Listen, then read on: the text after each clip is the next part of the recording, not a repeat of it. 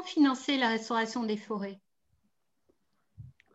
Alors, ça, merci pour la question qui, euh, qui vient prolonger effectivement ce que je, ce que je viens d'évoquer. Qu'on peut, ce qu'on pourrait imaginer effectivement, et ce qui pourrait être considéré comme une, comme une piste naturelle, serait que euh, les services environnementaux qui,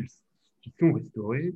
euh, fassent l'objet d'un financement par les bénéficiaires eux-mêmes. Néanmoins, et se heurte à un problème récurrent sur les questions d'environnement, mais plus particulièrement sur ces questions de restauration.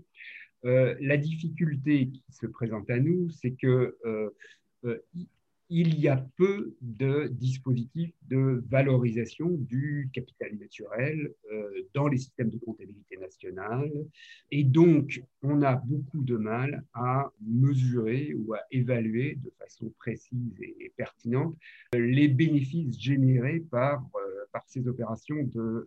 de restauration. D'autre part, il y a bien évidemment un jeu d'acteurs qui ne favorise pas nécessairement l'identification des bénéfices pour les uns et les autres. Et si, comme je l'évoquais tout à l'heure, l'État peut avoir une perception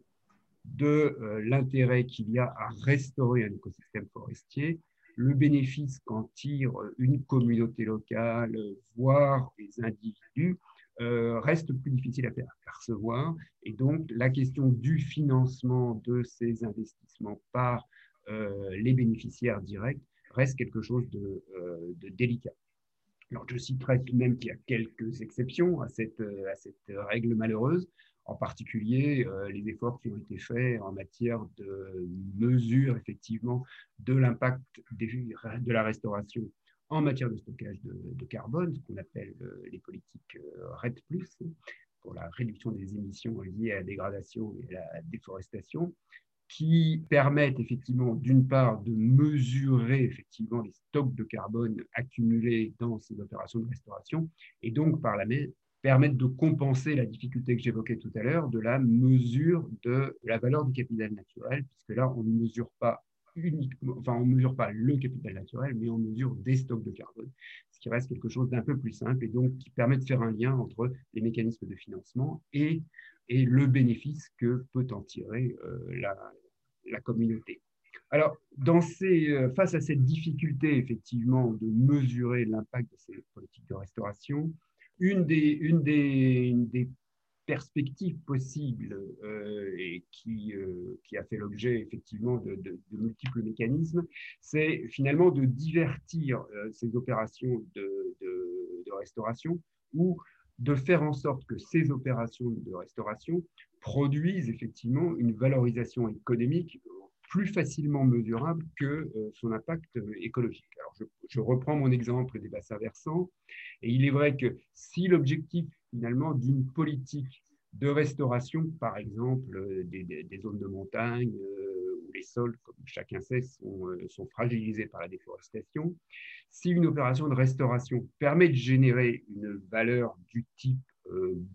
bois, euh, bois énergie ou au bénéfice de l'habitat, à ce moment-là, on est capable effectivement de, de, de, donner une valeur à ce, à ce produit, puisqu'il a une valeur sur le marché, et donc finalement de, divertir l'impact essentiel pour, pour nous, la communauté, qui est effectivement la protection des sols, et euh, de, valoriser finalement ce, deuxième avantage qu'est l'activité économique, production de bois énergie, euh, production de, bois pour l'habitat, euh, par exemple, permettant ainsi de réduire le coût effectivement de, de ces investissements et donc effectivement de, euh, de, ne pas faire peser coût de cette, euh, cette donc de protection des sols, uniquement sur, euh, sur des ressources publiques. Alors, on se heurte là néanmoins à une difficulté importante qui est liée au fait que c'est le cycle de vie de, ces produits, comme, comme je disais tout à l'heure, reste relativement long et trouver une adéquation pertinente entre la durée de euh, rentabilisation de ces investissements et la capacité des systèmes financiers à euh, offrir des services de la longue durée reste difficile. Et euh,